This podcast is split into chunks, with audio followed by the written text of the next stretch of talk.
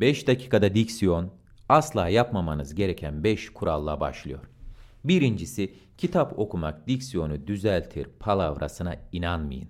Çünkü kitap okumak tek başına diksiyona hiçbir fayda sağlamaz. Bir çalışmayla beraber yapılırsa o probleme fayda sağlar. Hocam ben hızlı konuşuyorum. Gel bakalım seninle ünlü harfleri uzatarak kitap okuma çalışması yapalım. Ünlü harfleri uzatarak okudum. Hızlı okumaya fayda sağladı. Hocam ben harf yutuyorum. Gel bakalım ağzımızda kalemle 5 dakika kitap okuma çalışması yapalım. Harf yutmaya fayda sağladı. Aynı şekilde nefes nefese kalıyorum. Gel şu çalışmayı yaparak kitap okuyalım. Ona fayda sağladı. Ama bir çalışmayla beraber yapmıyorum. Aldım elime kitap okuyorum. Konuşmaktan bir farkı yok ki diksiyona fayda sağlasın.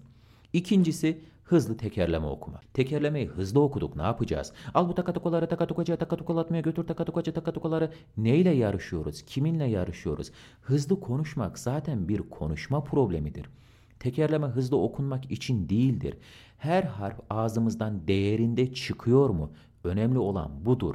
Al bu takatukaları takatukacıya, takatukalatmaya, T'yi, C'yi, R'yi, A'yı, I'yi tertemiz ağzımızdan çıkartabiliyor muyuz? Bunu yapabiliyorsak, bunu yaparak tekerleme okuyorsak işte o zaman fayda sağladı.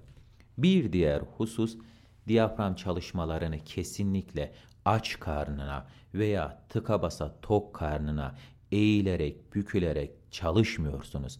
Diyafram çalışmaları yemek yedikten bir buçuk iki saat sonra yapılmalı.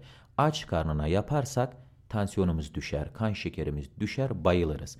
Tok karnına yaparsak diyafram mideyi bağırsaklar ileri doğru ittiremeyeceği için gelişmez ve ne olur kramplar girer yani karın bölgemize, midemize.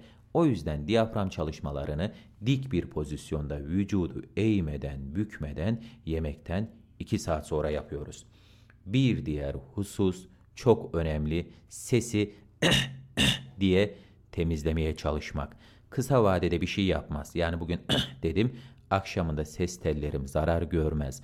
Ama uzun vadede sürekli ses tellerini birbirine sürte sürte tahriş ederim. Sonunda ses tellerimde nodül oluşur.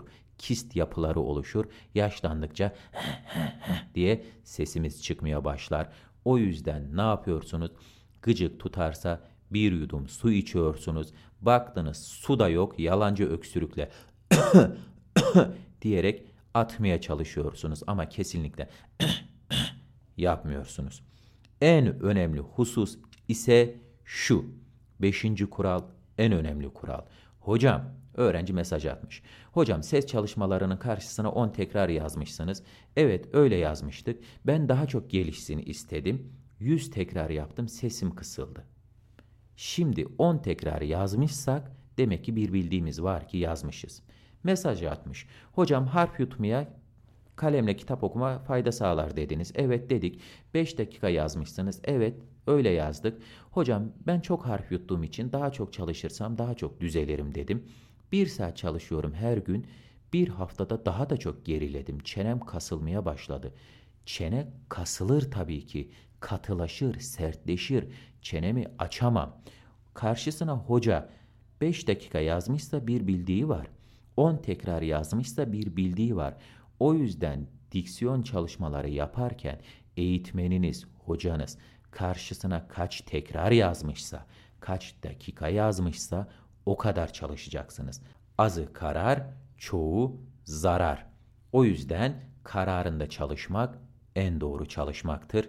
Kendinize iyi bakın, hoşça kalın.